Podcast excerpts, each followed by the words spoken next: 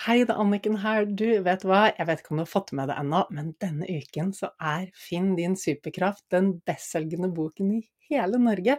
Altså, den ligger som nummer én på boklista, som er listen som eh, registrerer alle boksalg i hele Norge, i alle bokbutikkene. Altså, er ikke det gøy? Og jeg har svevd hele uken og varslet et sånn klyp meg i armen Altså, drømmer kan bli virkelig, du, når du bare jobber for dem og går for dem. Og jeg vet jo også at dette eventyret hadde ikke vært mulig uten deg. Din støtte har jo gjort at dette har vært mulig å få til. Og hele min mission med å skrive den boken og ha denne podkasten og gjøre alt det andre jeg gjør, er jo å få kunnskapen ut i verden. Fordi vi trenger den alle sammen. Alle trenger å lese boken. Fordi vi kan så fort sitte fast i eget hode og leve et liv som er bare halvparten av det vi egentlig kan få til når vi har gode verktøy og kunnskap om hvordan hjernen funker, hvordan hormonsystemet funker, hvordan vi kan trene mentalt for å få til hva som helst og skape det livet vi elsker å leve. Og du, to ting. Den 14. mai så inviterer jeg deg til lanseringsfest. Det er en digital lanseringsfest som er åpen for alle, og den skal holde sammen med Marius Sørli fra Heart Mentality. Han har vært inne her på poden på to episoder også. Fantastisk fyr, og vi skal dra i gang skikkelig god stemning, skikkelig fest, masse mentalt påfyll, du kan stille spørsmål og det morsomste av alt er at vi skal lodde ut en del premier. Det blir utlodding av eh, Ja, jeg skal ikke røpe alt, men blant annet så lodder vi ut et par billetter til den fysiske lanseringsfesten som er i Oslo uken etter der igjen. Og der kommer det jo masse folk du helt sikkert kjenner i min omgangskrets, og Torkel Færø, som har skrevet forordet til boken, skal også ha et bidrag på scenen. Og det blir god mat fra bl.a. Happy Foods og masse annet spennende. Så bli med på den digitale lanseringsfesten, så kan du også vinne en billett til den fysiske lanseringsfesten i Oslo, og den er da 21. mai. Og du, hvordan blir du med på den digitale lanseringsfesten? Du trenger å registrere deg, så jeg vet hvor mange jeg skal lage rom til i Zoom. Og da går du til annikenbinds.com, og så skriver du skråstrek digital strek boklansering. Der finner du det. annikenbinds.com skråstrek digital strek boklansering, og så finner du det. Og finner du det ikke, så send meg en melding eller e-post, så skal jeg gi deg linken så du får registrert deg, sånn at du kan være med på festen. Tirsdag 14. mai klokken åtte. Vi holder på maks én time. Eh, og enda en kul ting, onsdag 15. mai, til de av dere som bor i Bergen og bergensområdet, onsdag 15. mai klokken 18.00 så er jeg på Nordli i Strandgaten 1 og signerer boken. Altså, bare kom innom. Ta med deg boken om du ikke har fått den signert ennå. Du kan også kjøpe boken der, men bare kom innom. Gi meg en klem. Si hvem du er. Si hva podkasten, kurs eller boken har betydd for deg. Jeg har så lyst til å møte deg på ekte. Altså, det er fantastisk at vi har muligheten til å ha kontakt gjennom sosiale medier og alle andre digitale plattformer, men det å møtes på ekte er helt magisk. Så jeg har kjempelyst til å se deg på Nordli, Strandgaten 1, onsdag 15. mai klokken 18.00.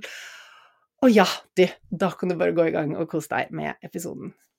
Det er alltid mulig å ha det bedre og få mer ut av livet. Med riktig kunnskap og gode verktøy så kan du også ta livet ditt til neste nivå.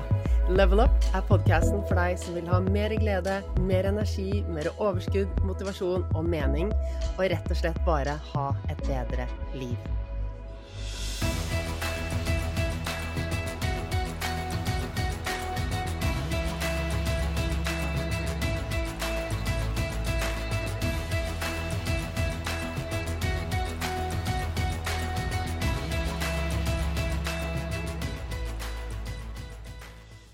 Hva er egentlig HRV, og hvordan kan du bruke HRV for å optimalisere dine prestasjoner og din helse? Og hvordan henger dette sammen med mening i livet og det å ha det bra?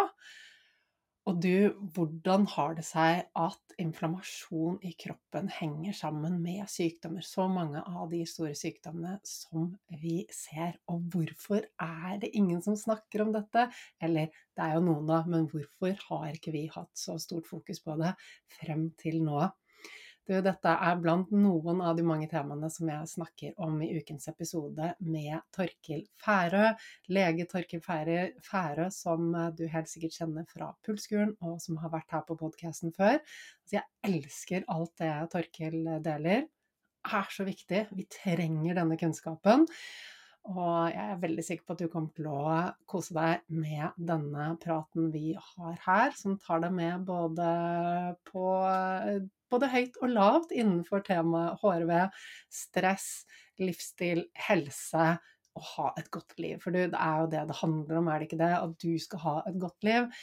Og da er det Torkil deler, det er helt nødvendig. Torkil, hjertelig velkommen mm. til eh, Level Up. Vet du hva, jeg er så glad for at du er med igjen. Du har jo vært med en gang før. Mm, ja, jeg er så glad for å komme tilbake igjen. Og vi traff hverandre til og med live for et par dager siden også, så det er ekstra koselig. Ja, det er ekstra koselig. Ja, jeg følger ikke sant. Du er jo blant Altså, det er ikke så mange jeg følger på Instagram, men jeg følger jo deg og syns jeg er så jeg er alltid enig med det du forteller om, og, og, at det er viktig, da. Det som du snakker om. Bare så jeg avklart det først. Ja. ja, det er hyggelig å høre. Jeg er veldig enig med alt det du også deler. Jeg er jo kjempestor fan av det mm. du gjør.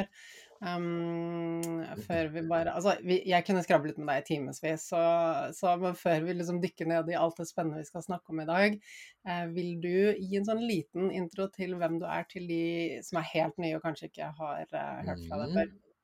Ja, jeg heter da Torkil Færø, er eh, lege. Har vært eh, lege i 25 år. Vært frilanslege, altså dvs. Si at jeg har jobbet land og strand rundt og tatt legeoppdrag når jeg har hatt behov for det, hatt tid til det. Jeg har holdt på så mye annet. Jeg har reist, jeg har seilt, jeg har hatt fotokurs. og og, og, dermed har jeg ikke hatt anledning til å ha en fast jobb, men jobbet eh, veldig mye på kortvarige vikariater med veldig intense, um, intense men kortvarige vikariater. Da. Så jeg har jo sett omtrent, jeg har undersøkt personlig omtrent 1% av befolkningen av ulike folk da, siden jeg har jobbet på den måten. Og, og, det er jo noe av grunnen til at jeg eh, også har hevet stemmen og lagd bøker, jeg har skrevet Kamerakuren, jeg har skrevet Pulskuren, da, som nå er fortsatt på, inne på topp ti på bestselgerlistene på 42. uka, faktisk. Eh, og, og, så har jeg da nylig eller, kommet ut med Pulskuren helsedagbok, da, som, eh, som eh, er en dagbok hvor du kan skrive ned resultater og, og følge bedre med på dagene dine, da. Så ja, ellers ja, jeg har nå gjort, eh, gjort, litt av hvert. Jeg liker å eh, leve livet og ha god nok helse til å gjøre det som jeg vil. At ikke helsa skal stå i veien. Og at jeg skal kunne leve lenge nok til å få gjort alt jeg ønsker å gjøre. Da. Sånn at jeg er ikke noen sånn helsefrik for helsa sin skyld i seg sjøl. Det er bare et middel da, for å få leve så godt jeg kan. Da. Ah, og det, det, liker jeg veldig, fordi det, det, det, det, går jo an å bli veldig fanatisk på helse, og gjerne så bygger det i liksom mye indre usikkerhet og behov for å liksom eh, være perfeksjonist eller putte ting i kategorier eller gå helt At alt blir sånn alt eller ingenting tankesett. Um, så, så, det går helt da. Jeg har hatt de tendensene før, det kan jeg bare si på veldig mange områder av livet hvor jeg har vært litt sånn å, det er alt eller ingenting. Men jeg har også samme syn på deg når det gjelder helse. Så jeg syns det er veldig fint at du trekker frem det. Uh, og sant, jeg ser på det som For meg da som mentaltrener, hvorfor har jeg så mye om helse på podkasten? Det er jo fordi vi kan ikke skille uh, hodet og kroppen, og alt flyter gjennom helsen. Gjennom god helse så får du mm. flyt i livet. Og hvis du ikke har god helse, hvis ikke kroppen funker, så vil ikke hodet funke. Livet vil ikke mm. funke. Så det henger jo så uløselig sammen. Ja, ikke sant. Og spesielt det som jeg snakker om i pulskuren, da, det autonome, grunnleggende nervesystemet som har vært oversett da, eh, i stor grad av helsevesenet og legevitenskapen. Eh, fordi at det ikke har vært så lett å måle det. Eh, nå er det mer og mer inn mot hoveddelen av det vi bryr oss om. Fordi at vi har fått disse her målerne gjennom pulsmålere osv. som klarer å oppfatte tilstanden i dette autonome nervesystemet. Og det trenger du å ha i balanse. Det er først når du har det i balanse at du klarer å tenke klart på en måte. Eh, hvis du er for overstressa, sover for lite, spiser feil, stresser for mye, så blir det vanskelig å få styr på tankene dine. Eh, og Dermed så må du ofte starte med denne grunnleggende delen, eh, før du kan så se hva står igjen av problemer i tankene dine. Mm. Ah, og det er så utrolig spennende. Så jeg vet liksom, fra min egen bakgrunn og historie og det jeg møter øh, hos mange kunder og mange jeg kommer i snakk med, så er det sånn det er veldig mange som har utfordringer med kanskje liksom at de har liksom uh, sånn kalles brain fog da, eller de er utmattet og har helseutfordringer. Um, mm. Og så er det det er så lett å begynne å tenke at jeg må gjøre mer, jeg må gjøre noe for å fikse det. ikke sant? Jeg må gjøre mm. mer. Og det er klart mm. at det, trening og bevegelse er viktig, kosthold er viktig, alle de tingene er viktige, men jeg ser at det er så lett å havne inn sånn jeg må gjøre masse, jeg må gjøre masse meditasjoner eller masse øvelser. Det blir så mye vi skal gjøre for å fikse det.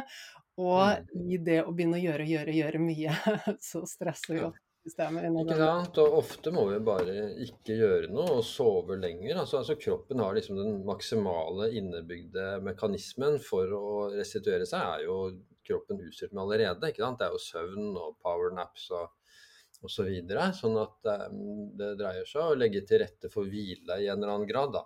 Som regel, og i hvert fall de både som du og jeg forholder oss til, det er jo de som har en tendens til å overdrive da, eh, heller enn å være forlate, kan du si. Sånn at um, Og da, da, da, trenger de Og det er det som er så fint med klokkene, sier mange, for det gir dem en tillatelse til å hvile.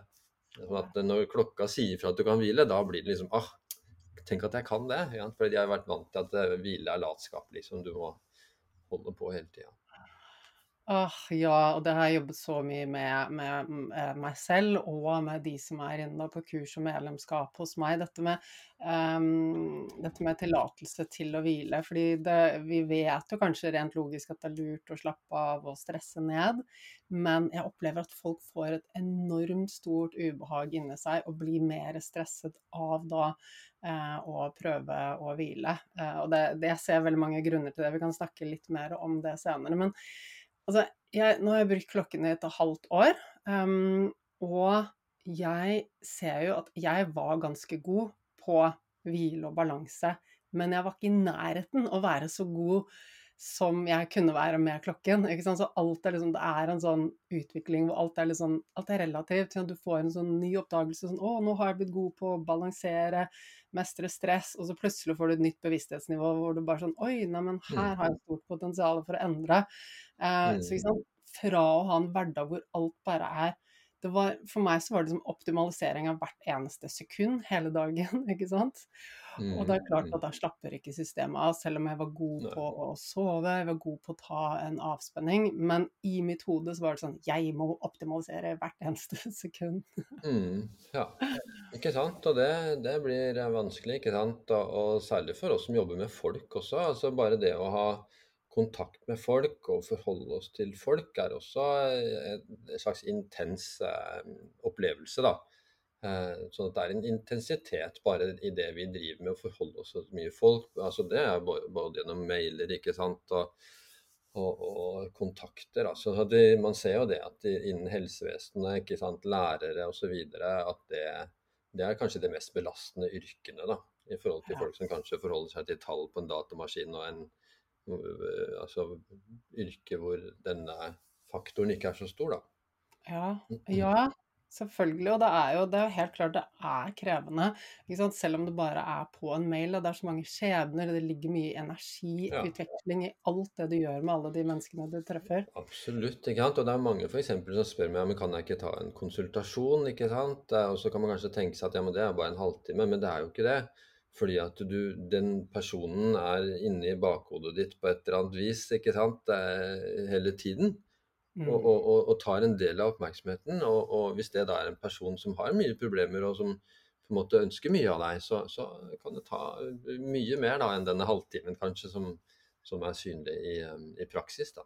Ja, og Vet ikke om du kjenner deg igjen i det? Mm. Jo, absolutt. Eh, det er, ikke sant, og jeg har jo kurs, medlemskap, det er alle sosiale medier-kanalene, ikke sant, alle meldinger, alle e-poster. Jeg vet at du også får masse meldinger, og hver gang du får en melding, sant, så setter det i gang tankevirksomheten. Og eh, sånn som jeg jobber jo også én til én, og når jeg gjør det, så går jeg så inn. Jeg går liksom all in, og jeg bruker jo Mm. hypnose når jeg jobber med kundene mine for å gå inn i Mm. underbevisstheten, for å virkelig liksom gi de endring. Og det er klart Mm. at altså, jeg går så Jeg bruker all energien min på det, og en sånn session varer jo to timer. Så det er klart Mm. at det, jeg, jeg, jeg fyller ikke inn mange av de på rappen i løpet av en dag. Det er sånn, Har jeg hatt en sånn Mm. to timer, ja, men da har jeg rolig kontortid resten av dagen. For det Mm. bruker jeg Ja, ser du det på klokka? Ser du innsatsen din på klokka, eller er du rolig da? Vet du hva, det som er litt spennende, er at jeg ofte går i blått. Mm. Ja, og det er sikkert litt av det samme for meg også. For jeg ser at det roligste jeg gjør, det er å være på legejobb i, i distrikt da. Eller på legevakt også, for så vidt. Eh, Så det, det som jeg trodde var det mest slitsomme, og som jeg måtte begrense en del av, det er jo faktisk eh, eh, rolig for meg. Eh, sånn det det som, og det er jo det som mange finner ut på klokken, at, at selv om noe er jobb, så er det ikke sikkert at det er stress. Og selv om noe er ferie, så er det ikke det sikkert at det er avslappende. Mm. Eh, for det kan være mange faktorer da, som, som, eh, som spiller inn. Da. Mm. Ja, og, og det, er, altså det er så superspennende. Jeg har hatt en del sånne oppdagelser med klokken. Og jeg har liksom sett at når jeg holder livesendinger til de som er i medlemskapet mitt, da snakker jeg om Jeg er veldig rolig. Og jeg tror det som gjør at jeg går i blått både på livesendinger, på en del podkast-innspillinger eh, og når jeg jobber med kunder, jeg tror det er fordi jeg er til stede. Sånn skikkelig, skikkelig til stede. Eh, og det gjør at jeg går i blått. Men likevel så er det jo intenst. Mm. Ja, ja. Jeg pleier å gå i, i litt uh, rødt, jeg. Nå har jeg tatt en sånn uh, kald eh, dusj på forhånd, da. Men, uh, så nå er jeg egentlig sånn passe, ser jeg, på sånn stressnivå på 30-40. Så det er passe. Eh, tenker jeg, aktivering. For du skal jo aktiveres også, eh, ikke sant, når du, når du er på også. Så. Helt klart. Og jeg, altså, jeg er ikke bare blått, for å si det sånn, men jeg tror at Mm. det handler om de liksom, øyeblikkene hvor jeg er virkelig til stede. Eh, Mm. og sånn som inni medlemskapet, der har jeg flere månedlige sendinger, at jeg snakker med de, jeg Mm. kjenner folkene. Ja, du kjenner dem, ikke sant. Det er også mye å si. Også, at det er mindre grupper. Men vi kan jo si litt om hva vi snakker om, da, med blått og oransje og sånn ja. kanskje. Det er jo ikke sikkert alle, er ikke sikkert alle er kjent med det. Men i hvert fall, så, altså det, vi, det- det vi snakker om, er jo Garmin-klokkene, som, som på en måte er det, et helt uh, utrolig verktøy da, for å klare å holde orden på nervesystemet. Sånn du har jo Garmin-klokker, du har Oraring og Whoop-on, som jeg har på meg eh, nå. Uh, og hvor alle de tre egentlig gir veldig gode resultater. Og nå etter hvert også så har alle de tre mål for dagtid, faktisk. Eh, sånn at det er noe som de har kommet med nylig. Men i hvert fall det som er det aller beste instrumentet, er eh, Garmin, som sagt. Og da måler de heart rate variability. Og det vil si at når du er i dette hvilemoduset som vi kaller blått, da, som vi ser på kurvene, så betyr det at når vi puster inn og lungene er fulle av oksygen, så vil hjertet raske på litt for å utnytte det. Og når vi puster ut og det er mindre oksygen i lungene, så slapper hjertet av litt for å spare på kreftene. da. Eh, Det betyr jo ikke så mye fra minutt til minutt, men over hele livet så er det snakk om at du sparer 350 millioner hjerteslag da, på, på dette systemet. Eh, Og hvis du er stressa eh, av nesten uansett hvilken årsak, om det er mentalt, om du har spist noe feil eller trent for mye eller, eller drukket alkohol eller, eller hva det skulle være, av mangel på søvn, så vil hjertet slå like raskt også det, når det er mindre oksygen i lungene. Da. Eh, Det vil, eh, den på en måte urgamle delen av nervesystemet vårt eh, vil tolke det som om nå står det om livet, liksom, og vi trenger alle kreftene vi, vi har, da. Også selv om lungene har mindre oksygen, da. Og da vil vi se oransje kurver på Garmin-klokkene, da. Så det er jo det vi snakker om, at vi skal ha en passe balanse mellom stress og hvile. Vi skal stresse, vi skal belaste oss. Det er jo en slags investering i, i å bygge krefter i oss. Så det skal vi gjøre, men vi må kompensere i tilstrekkelig grad da, med, med hvile. Da. Det er jo det vi er lagd for da, gjennom evolusjonen. Mm, takk. Veldig fint. Um, at du tok den basic forklaringen. Mm, mm. Det er fint å ha det inn med litt teskje. Eh, det er, og jeg syns ofte selv det kanskje er litt vanskelig å forklare. Bare sånn, jeg følger med på HRV-en, så bare, okay, skal jeg forklare det? bare, ja, ok. Jeg tror vi trenger å, å ha disse tingene litt inn med teskje for å, for å skjønne hvordan det funker, og hvorfor det er så viktig. Um, kan ikke du si litt mer om altså, stress og nervesystem i forhold til sykdommer, og, og din erfaring som lege? Ja, nå er det jo det at en, en dårlig stressbalanse, eh, det er disponerende for eh, omtrent alt mulig av sykdommer. Og det er fordi at en dårlig stressbalanse er et tegn på at eh, hele organismen din er eh, overbelastet. Og at det da er mindre krefter til eh, restitusjon og til at immunforsvaret skal få gjort jobben sin, eh, slik at eh, det vil disponere både for forkjølelser og influensa og sykdommer sånn eh, her og der i øyeblikket. Men over lang tid også så disponerer det for de aller mest alvorlige sykdommene vi har, som hjertesykdom og kreft og eh, demens og parkinson og en, en, rekke sykdommer. Det er nesten sånn at eh, du kan google enhver sykdom, eh, på engelsk gjerne, da, og pluss heart rate variability, og så finner du masse undersøkelser som som viser at her er det en sammenheng. Da. Og det er nok både en årsakssammenheng eh, og, og konsekvenssammenheng. Da. Sånn at eh, en dårlig HRV er både årsaken til at du blir syk, men når du da først blir syk, så blir HRV enda dårligere igjen.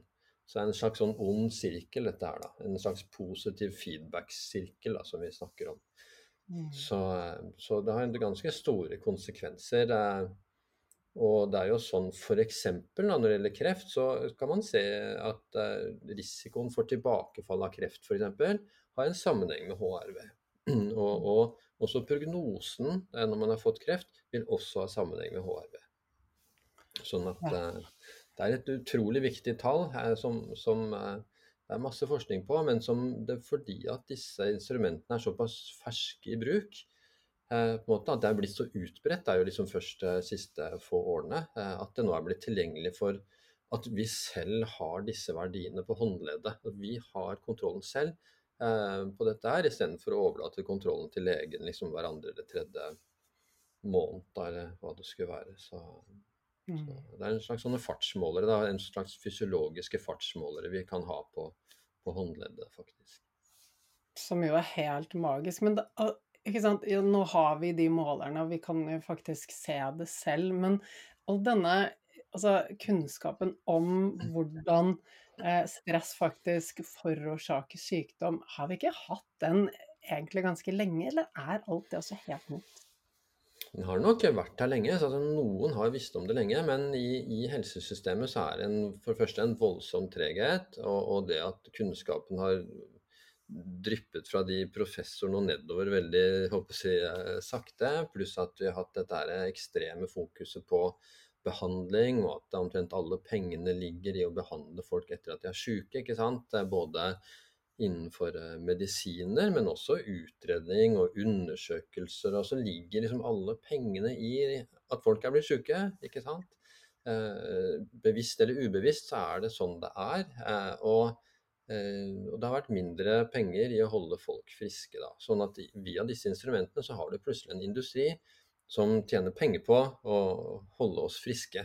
Eh, og det er jo en stor eh, endring. Så det kan nok ha noe med det å gjøre. Altså det rent, det rent pengemessige. Follow the money, ikke sant. Det er jo gjerne et godt ordtak. Mm.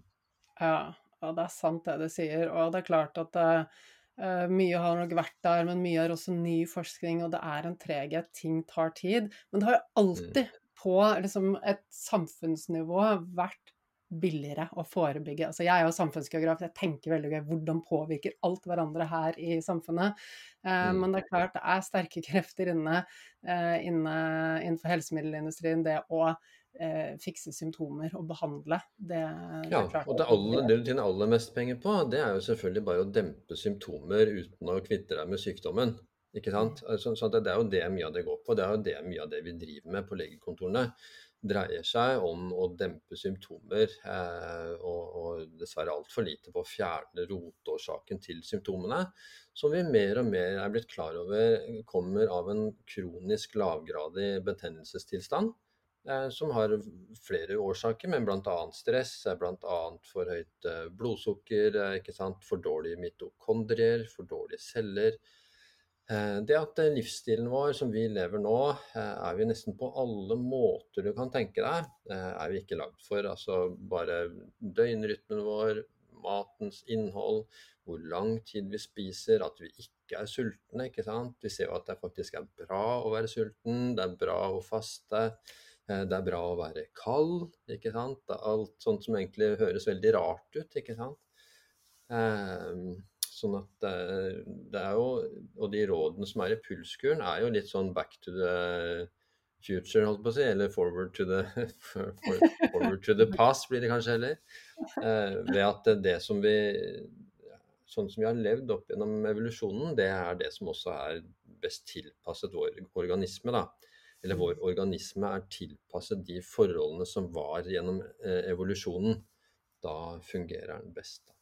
Ja, og det, altså, det er jo helt det, jeg syns det er så spennende. Og så er det sånn Det er ting som jeg føler at jeg intuitivt har liksom kjent på kroppen i alle år, men nå vet vi det, nå har vi forskning på det. ikke sant? Det at ok, det å faste, mm. det å være litt sulten, faste litt innimellom, det å bli ordentlig sliten, eh, det å på en måte mm. gå en fjelltur, det å bli kald, eh, at det er mm. bra for oss. Det er et positivt stress, ikke sant. Um, og jeg tror jo, sånn jeg ser, tror jeg at det er veldig mange av årsakene til at folk ikke har det bra, altså mentalt og fysisk, for dette henger sammen. Har du inflammasjon i kroppen, så påvirker det også tankene dine, ikke sant, og hjernen din. Absolutt. Ja, for, det, for det som finner ut, er jo at når du er preget av inflammasjon, har mye cytokiner i kroppen, så får du noe som heter sickness behavior. Altså du får Du føler deg syk. Eh, så disse cytokinene, og det kan de som i forsøk sprøyte inn f.eks. i mus, da, og da får de den eh, reaksjonen eh, på at de trekker seg tilbake. Ja, de, de tydeligvis føler seg dårlig, blir engstelige osv. Så, Sånn at det er en og det merker jeg jo på en måte bare jeg har spist liksom, måltider som ikke jeg tåler så godt, så, som, som, pizza og sånt, og så føler jeg meg litt småsjuk, rett og mm. slett.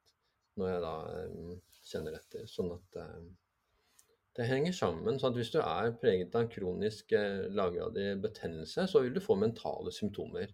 Mm. Uh, og en av de bøkene jeg stadig refererer til, og en som har masse podkaster uh, som man kan, gjerne kan lytte til da, han heter Chris Palmer. Og har skrevet boka som heter Brain Energy, som viser hvordan dårlige mitokondrier uh, preger mentale sykdommer. Sånn at Der hvor vi prøver å sette diagnoser på en rekke forskjellige sykdommer, så viser det seg at det som egentlig er problemet, er dårlige mitokondrier som skaper alle disse symptomene som vi prøver å kategorisere og finne noe system for, men, men som psykiatrien ikke har klart å finne noe system for, fordi at ikke systemet er der, holdt jeg på å si. At det er, det er, de dårlige mitokondriene som gjør at symptomer kan sprette opp i måte alle organer, eh, inkludert hjernen. da. Mm. Og mm. det som da påvirker mitokondriene, som gjør de dårlige, det er jo da denne inflammasjonen, om det er fra emosjonelt stress, eller om det er fra maten, eller fra, fra livsstilen. Altså alle de mm. tingene. Ja. Mm, kjempespennende. Den boken står på leselisten. Har ikke, har ikke rukket ennå. mm, ja, det var en fin podkast med han og uh, Anette i Leger om livet for ikke så lenge siden. Type for en måned siden, eller uh, i august-september en eller annen gang. Absolutt. Den, den, har jeg allerede anbefalt her inne, for det syns jeg var uh, så mm. fin. Det er så, det er så spennende tema. ikke sant? Og så er det jo, som du sier, det er tilbake igjen Ja, vi, vi lever jo i det århundret vi lever, og vi har jo alt til rette for at vi kan leve lenge og være sunne, men likevel så trenger vi også et hensyn til at ok, hodet vårt og kroppen vår, det henger litt igjen i steinalderen.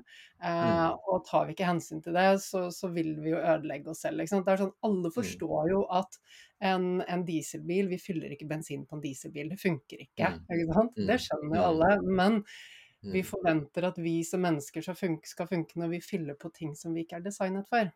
Mm. Ja, ja, helt riktig. Det er jo en kortslutning.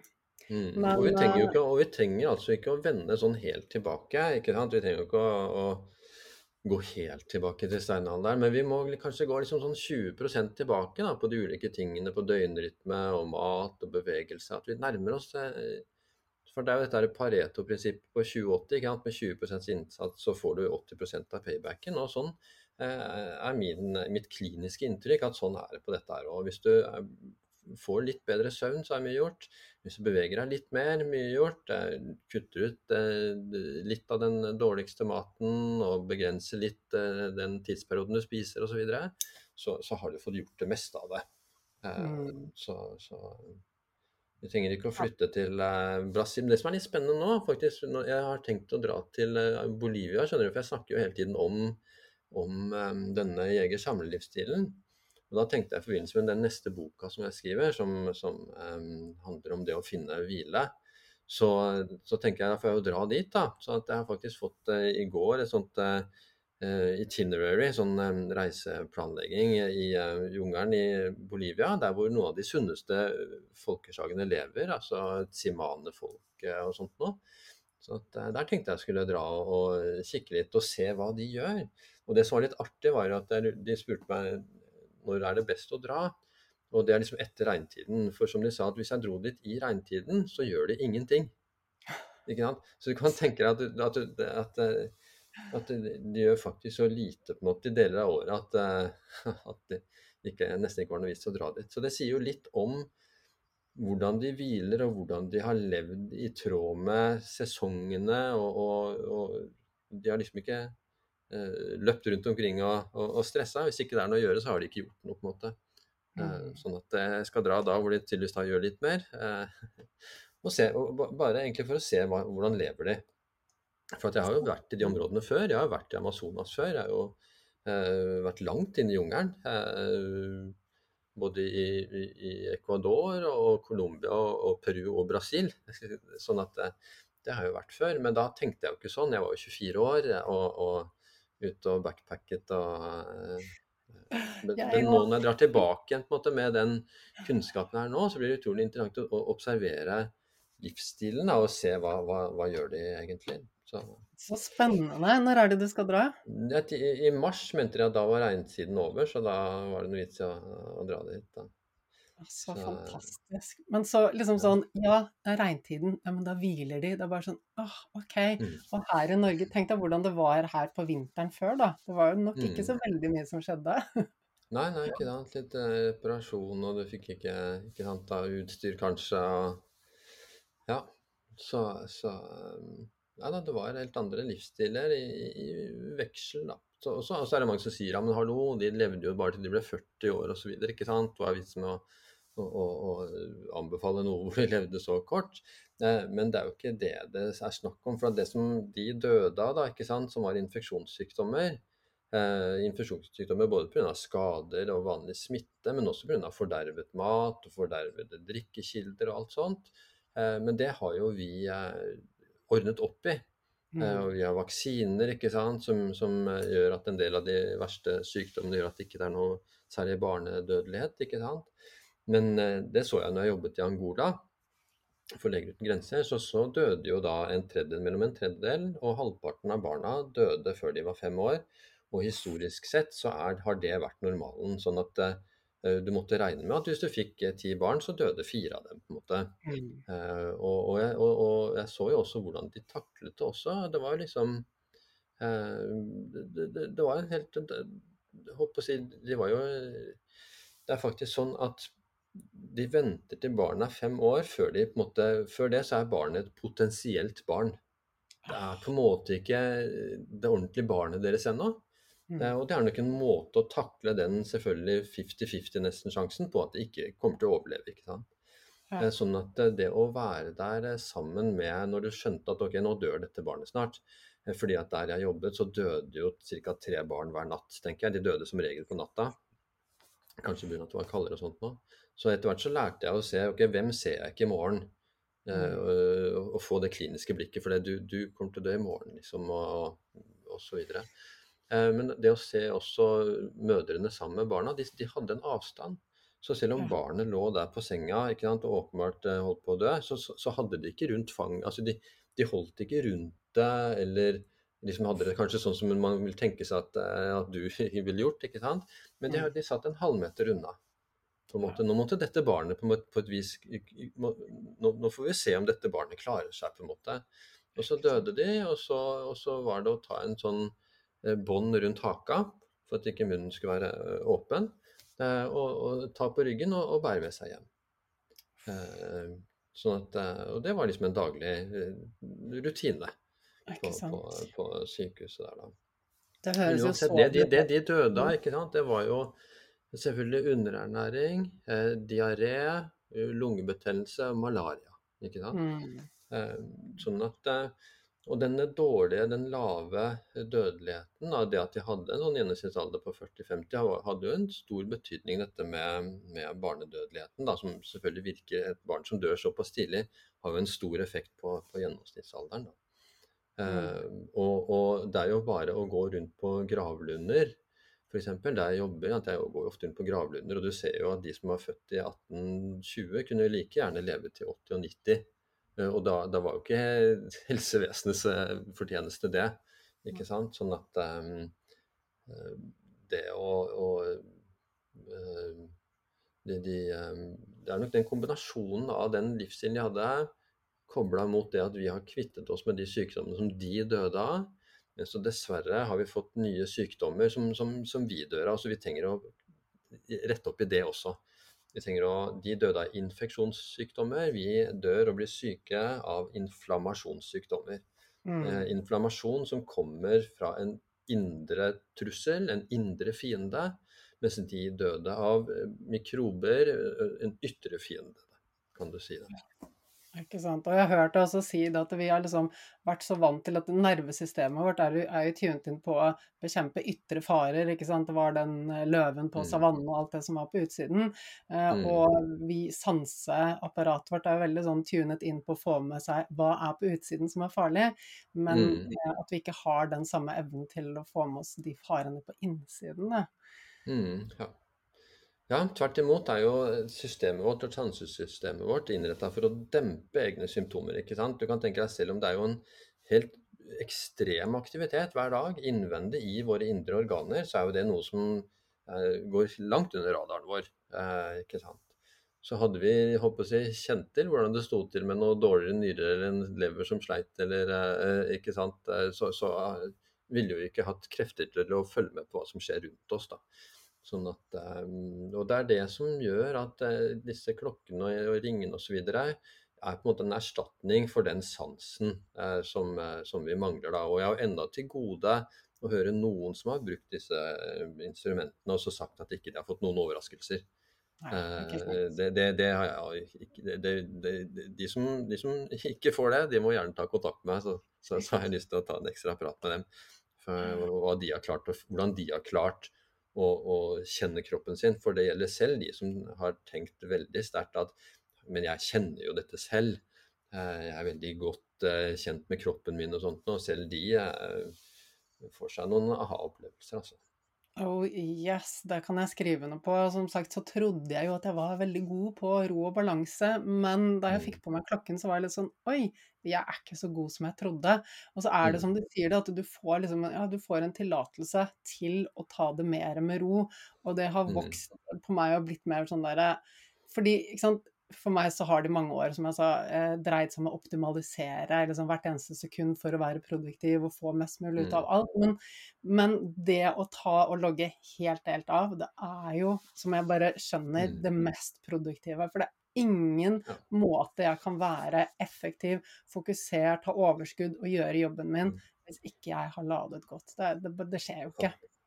Absolutt, og dette er jo ikke en måte å bli slapp Det er jo ikke for å bli slapp at vi skal hvile, ikke sant. Det er jo egentlig for å klare å prestere mer, og ikke for prestasjonens skyld. eh, Men for at vi ønsker jo å være levende. ikke sant? Vi ønsker å gjøre spennende ting. Må være i stand til å få til det vi vil. Og det er jo det som ligger i det å prestere. Og skal Mm. vi klare å prestere på et høyt nivå på full gass, så er vi nødt til å klare å bremse helt ned også. Så, så at denne nedbremsinga jeg snakker om, er egentlig for å være i stand til å kjøre på full gass. Fordi at eh, hvis du ikke eh, bremser ned tilstrekkelig, så klarer du ikke å komme opp nok i hastighet. Du er ikke opplagt nok. Eh, Du er ikke mm, Ja, du, du, altså det er jo ikke uten grunn f.eks. at, at Haaland osv. mediterer og tar kuldebad og, og, og ha på blålyse briller og eh, fordi at det som er å hente, da, eh, er ikke i prestasjonene ute på fotballbanen eller i treningsstudio for Haaland og alle andre idrettsfolk. Det er i graden de klarer å hvile for å få Mm. paybacken av treninga. Eh, og, og litt det samme er det for oss også, at, at på det å prestere, ikke sant, og ha foredrag eller podkaster og, og jobb osv., så, så er det ikke så mye å hente. Det kan vi på en måte. Men det som vi må være flinkere på for å få det til, det er å hvile imellom. Da. Så denne uka her jeg, altså jeg, jo, jeg har jo fire uh, store foredrag, jeg har fem podkaster. To av disse er på engelsk, f.eks. Eh, og da vet jeg at denne uka her, som er så stappfull av intensitet, da, eh, så må jeg være supergod på å, å bremse ned innimellom, da. Mm. Så, og det gjør jeg da med kulde, kulde og powernaps og passe på å sove lenge nok. Og, og, og, og gjøre ting litt sakte utenom. Sånn at, så at når de andre tingene jeg gjør, det gjør jeg nesten i sånn komisk sakte modus, liksom. Eh, Sånn subbe rundt og, og, og ja. eh, Sånn at jeg, når jeg da har de foredragene, så kan jeg gønne på å ha eh, overskudd til det. da. Ja, og det, det er gøy å høre, for jeg også eh, gjør mye av det samme. Det er sånn, ok, Jeg har liksom noen timer av døgnet hvor jeg bare Nå er jeg på, nå er jeg fokus, produserer. Og så skrur jeg helt ned og er litt sånn submodus. Mm, mm, Og og jeg opplever deg som en veldig rolig person, eh, Torkel. Og eh, Mm, jeg føler meg Altså, jeg er veldig rolig. Jeg, altså, jeg, du og jeg er litt like, tror jeg, sånn jeg ser det utenfra. mm, du mm, er veldig produktiv, du er veldig drevet, og så er du veldig rolig. Du er mm, ikke noen sånn ADHD-type, det er heller ikke jeg. Jeg er superrolig, jeg mm, har alltid vært det. eh, Men jeg har en sånn enorm indre drivkraft, og det ser jeg at du, du også har. Ja, ja, og jeg har nok en eller annen form for eh, ADHD. Jeg har jo to unger ikke sant, med ADHD, og det er jo 80% arvelighet. Men jeg har nok en mer en sånn type drevet. Altså jeg har alltid et eller annet som går og surrer og går og tenker og, og finner ut av, nesten sånn, sånn uh, frenetisk på en måte. Så, sånn at selv om jeg utvendig virker rolig, så er jeg liksom uh, uh, alltid et eller annet som, som skjer. Det er alltid at jeg holder på med. Men jeg gjør det nok på en rolig måte også. Men jeg fikk jo også en veldig overraskelse når jeg begynte å måle dette her, da, og så tenkte jeg at jeg var eh, veldig, veldig rolig. Eh, og så så jeg at jeg var full fyr hele dagen. Men det kom altså mye av For det vi ser ikke sant, vi måler, er at én ting er jo det stresset som vi tenker på som stress, men, men jeg så jo at det som stressa meg, det var jo eh, mat. Det var jo snus. Eh, Det var jo dårlig Eller sånn ikke fokus på søvn. eh, Det å spise seint. Sånn at eh, mye av det som, som ga stress, er, jo- er jo på en måte under radaren vår. da. Vi tenker ikke at det, det kan stresse oss, liksom. Mm. Så, Så det var ikke så mye det emosjonelle og tankestresset? Nei, for det er jeg aldri Altså, jeg er jo aldri stressa, jeg er aldri redd, Jeg, Mm. på en måte. Eller jeg pleide å være redd for å ha foredrag og sånt, da. Men den eh, Det skal vi være. foredrag at eh, Ja, ja, man skal ja. Jeg tenker jo eh, Etter hvert så er jeg nesten blitt bekymra for at jeg er for lite redd da, før jeg skal Sånn at, ja. men, det, men det er jo en aktivering uansett. Jeg merker jo det med en gang det er 100-200 folk foran meg, så, så, så, så er det et eller annet helt grunnleggende som fyrer av gårde, altså. Mm.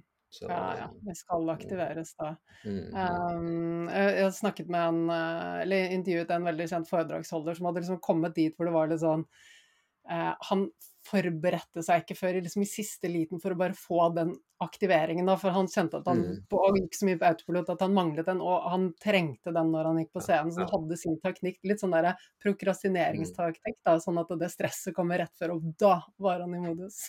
mm, ikke sant, ikke sant. Ja, ja, sånn er nok jeg også litt nå. Ja, ja. Men uh, spennende. Men Mm. for jeg ser jo at uh, Og jeg tror jeg var veldig sånn før at jeg aldri kom ned, at jeg hadde et veldig sånn aktivert nervesystem hele tiden. Og jeg ser Mm. jo det hos mange. Eh, det er mange som kan fungere lenge på det, og så kommer noen hvor de går på en smell. Og noen etter i dag har gått på en smell og blitt utslitt, de ender opp også med å være der hvor nervesystemet egentlig aldri går i hvile og bare låst seg. Ja, det ser jeg jo. Altså, vi har jo pulskuren.no med over 3000 medlemmer. og Det er jo en masse folk som henvender seg til meg liksom fra alle kanaler. Eh, jeg får sikkert 30 Instagram-meldinger, minst 30-40 hver dag osv. Uh, og ser jo kurvene til de som har havna i den situasjonen. Og, og der er jo stresset De kommer seg ikke ut av stressmodus, nesten, da. Mm. Uh, og det som er fordelen, da, er jo at dette her, her har du endelig noe som viser den tilstanden. For når de går til fastlegen, så er det ingen, vi har ikke noen andre mål som viser dette her. Uh, alle andre prøver kommer til å være normale, ikke sant. Sånn at én mm. ting for så vidt er jo da at ok, endelig så har vi i hvert fall noe som viser deg.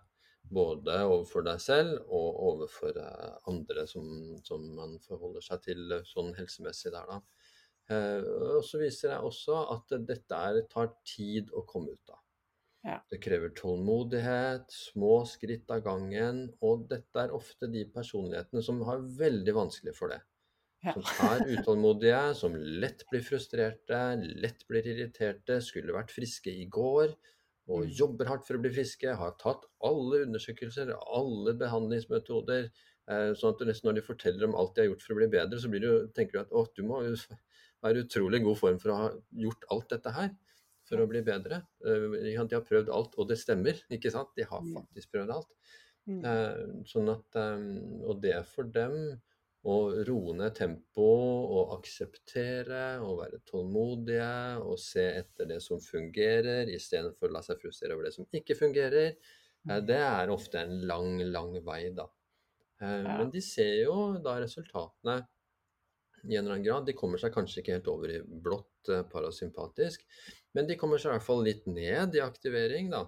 Og, og med tiden så, så kommer jo veldig mange av dem eh, ut av det. Og det er jo det som driver ikke sant, eh, i stor grad salget av pulskuren. Det er derfor den fortsatt ligger liksom helt på toppen av, av eh, listene, fordi at det fungerer så bra.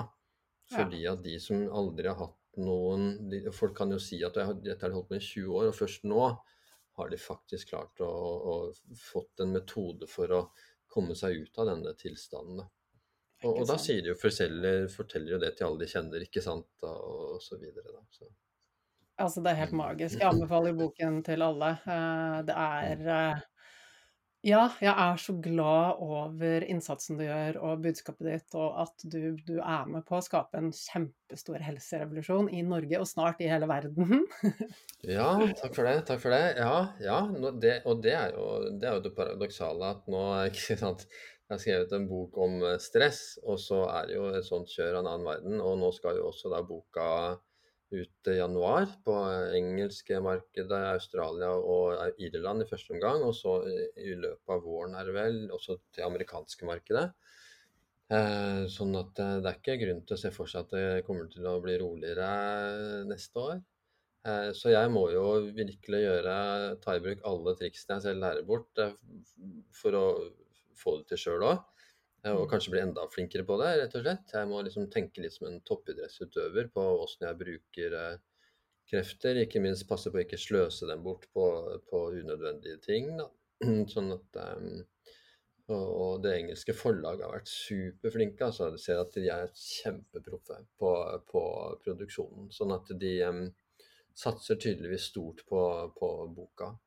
Sånn at, og det er jo fortsatt verdens første og eneste bok som forklarer hvordan du bruker disse instrumentene for å bli bedre. Da, og på en måte får helheten inn. altså hva, hva skal du gjøre med søvn, stress, eh, hvile, nikotin, alkohol, menstruasjon. alt dette her, da. Så, så, de har nok sett verdien av det, og mye pga. den redaktøren akkurat hadde kjøpt seg et Whoop-bånd ikke sant? Og, og, dermed også skjønt viktigheten av det, og også fått med seg at det ikke finnes noen andre bøker. Så det er derfor de har kjøpt den og får den ut på rekordtid. da. Altså, eh, så bare, bare, tre måneder måte etter at de ble oppmerksom på boka, så er den ute. Og det tror jeg ikke er, eh, det er Utrolig, men det lover jo Mm. så bra for fremtiden, for det her eh, Mm. trenger det trenger verden. Og altså, som sagt, jeg Mm. anbefaler å bruke klokke, eh, pulsmåler og, og boken til alle. Og det har virkelig gjort så mye for meg. Um, og sist gang vi spilte en podkast, så hadde jeg akkurat brukket armen min. Eller nylig. Eh, og da merket jeg også at det, det var en skikkelig belastning på kroppen. Jeg så det på HRV, og jeg trengte masse hvile. Um, og det var liksom rett, var på våren rett før sommeren, og på sommeren så dro vi til Maui og var der en måned. Uh, og da jeg kom dit, så fikk jeg masse symptomer på eh, Altså var nummen og mistet balansen. Sant? Var nummen fra brystet og ned. Da. Uh, og gikk jo en måned egentlig med en kropp som ikke fungerte. Uh, og det tok lang tid å få gjort undersøkelser. Jeg visste ikke hva det var, så jeg var sånn Det er sikkert ikke så ille. Så Det var det hørtes en ikke så bra ut, da. Ja, det, det, det, er ikke eh, Så Nei, hvis du hadde ringt meg, så hadde jeg nok kanskje sagt at han var Jeg vet. Sånn i ettertid så skjønner jeg at, det, at jeg bare burde dratt hjem én gang. fordi som legen sa da jeg kom hjem, sa han at eh, du, du har hatt flaks, for du kunne blitt lam. Eh, Mm. Fordi at jeg hadde så stort sår på benmargen at all spinalvæsken var borte, og det var en sånn knekk på nakken. da. Men, Mm. eh, men jeg hadde jo surfet hver dag, for jeg var sånn OK, bena funker ikke, men jeg kan fortsatt liksom Armene virker, så jeg kan dra ute og surfe. Så jeg var jo i Mm. vannet hver eneste Mm. dag i aktivitet. Så jeg prøvde å reise Mm. meg opp på brettet, og så datt jeg av. Greit, men kroppen var jo supersunn og frisk.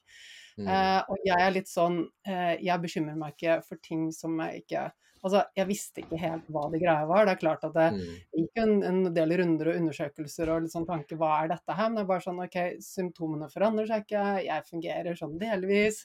Jeg vil Mm. fortsette å være på ferie. Ja, ja, ikke sant. Det er det ikke sant. Ja, Ja, ja. jeg var ikke stresset. Alle var sånn 'Å, har du Mm. ødelagt ferien din?' Jeg bare 'Nei, vi har hatt verdens beste ferie. Vi har kost oss'. Uh, Mm. Eh, så mentalt sett så var jeg på et veldig bra sted. Vi hadde en superfin ferie. eh, Og Mm. kroppen var supersunn og frisk. Og så kom jeg hjem, og så skjønte jeg at jeg, å, jeg må bare operere nakken med en gang, for det her er helt Mm. krise. Og da jeg gikk inn i den nakkeoperasjonen, var jeg sånn Ja, ja, kjekk og grei. Dette her er liksom bare inn og ut, og jeg skal ut og gå tur neste Mm. dag, og alt er fint. Mm. Og målingene på klokken var veldig fine sånn et par dager etter operasjonen. Men så begynte jeg å si at her er kroppen belastet. Så HRV var jo så dårlig, og kroppen jobber tydelig med Mm. en, en Ja. stor ting, da. Eh, så Mm. jeg fikk en veldig sånn aha-opplevelse som Mm. eh, lærte meg hvor mye tid ting egentlig tar, hvor mye belastning? Her var det snakk om en nakkeoperasjon, men det er mange andre ting i livet vårt som er belastninger. Da, ikke sant? Kanskje vi skal flytte, kanskje vi går gjennom en skilsmisse. Det er mange sånne ting i livet som vi tenker å, kjekt og greit, det bare, jeg plotter inn et par dager i kalenderen, så jeg er ferdig med det. Men alt som belaster oss, det, det, det, altså, det har en effekt på oss. Da, og vi trenger å sette Ja, det har en effekt, og det som eh, kanskje er det største problemet, da, når du da altså sier at du hadde, eh, eh, er i den situasjonen, og så ser du at du har dårligere HRV som et tegn på en overbelastet organisme. Og så tenker du kanskje at nei, men det er bit tenna sammen, liksom. Ta heller en joggetur, få meg i gang, liksom. Ikke sant. Er, ikke sant? Ta litt sånn vare om nærmest og klappe seg på brystet og på kinn og, og Ja. sånt noe. Kjør på. Eh, Men det som er problemet, er at eh, immunforsvaret på en måte er, virker å være den delen av den totale energibalansen som er den justerbare. Eh, Sånn at når du overbelaster på andre ting, så det kroppen kutter ned på, det er det, det forebyggende og vedlikeholdende immunforsvaret. For det kan på en måte trappes ned. Vi ser jo når man tar undersøkelser at hvis du har sovet dårlig, så er det mindre av disse cellene sirkulerende rundt i kroppen. Som en tegn på at de, de, okay, de, de, de må kutte der de kan. eh, Og det er vedlikehold, på en måte. Så det, du, det du gjør da, ikke sant, når du likevel gønner på, eh, er jo å gjøre det vanskelig for immunforsvaret å gjøre jobben sin, da. Og Mm. de sier jo, i hvert fall en jeg har hørt på noen podkast som er ekspert på det, sier at grensa går liksom på en eh, par måneder. Så hvis du har et par måneder med en sånn kjempestor totalbelastning, det er da ting begynner å skjære seg i kroppen. da. Det er da du liksom trigger over til å få at, at immunforsvaret ikke klarer å holde på en kreftsvulst under i sjakk, f.eks. Ikke sant. Det er, altså, eh, vi ser jo mer og mer nå at kreft er en metabolsk sykdom, og ikke i samme grad en genetisk sykdom. Det er måten som eh, celler reagerer på når de er under metabolsk press av stress, av blodsukker og forskjellige ting. Så skjer det mutasjoner i, i cellene, og de danner kreftceller. Og dette er, skjer hele tiden. Og, og, vi har immunforsvaret er lagd for å identifisere disse cellene som på en måte frigjør seg fra, fra kontrollen. da, Og identifisere dem og ta dem allerede i starten. da. Eh, men eh, disse cellene fins det mindre av i, i, i blodet, når man har sovet dårlig. og Derfor øker jo kreftfaren hvis du sover under seks timer i forhold til over sju timer, så sier Matthew Walker at det dobler kreftrisikoen. ikke? Og Dette kan de måle at hvis du har sovet dårlig, så er det mindre av disse kroppene i sirkulasjon. Sånn at det er derfor ikke det er bra da, å overbelaste seg uh, over tid. da. Mm. Altså, og det er jo og denne, denne, kunnskapen finnes der ute, men vi lever jo ikke etter det samfunnet. og Nå har ikke jeg hatt kreft, så jeg vet ikke hvordan det er med liksom kreftbehandling og hva du møter på av informasjon eh, hvis du får en diagnose, eller bare den forebyggingen. altså Hvorfor, hvorfor er ikke dette liksom oppløst og vedtatt sannhet i samfunnet Det, etter? Ja, og det utrolige er jo at jeg hører fra alle kanter da, at når du kommer til kreftlegen da, sant, og så spør du hva kan jeg gjøre, så sier de liksom nei, ikke gjør noen ting, du, du bare ta, ta cellegiften din, og, og, og det, er ikke, det, er ikke, noe du kan gjøre, liksom.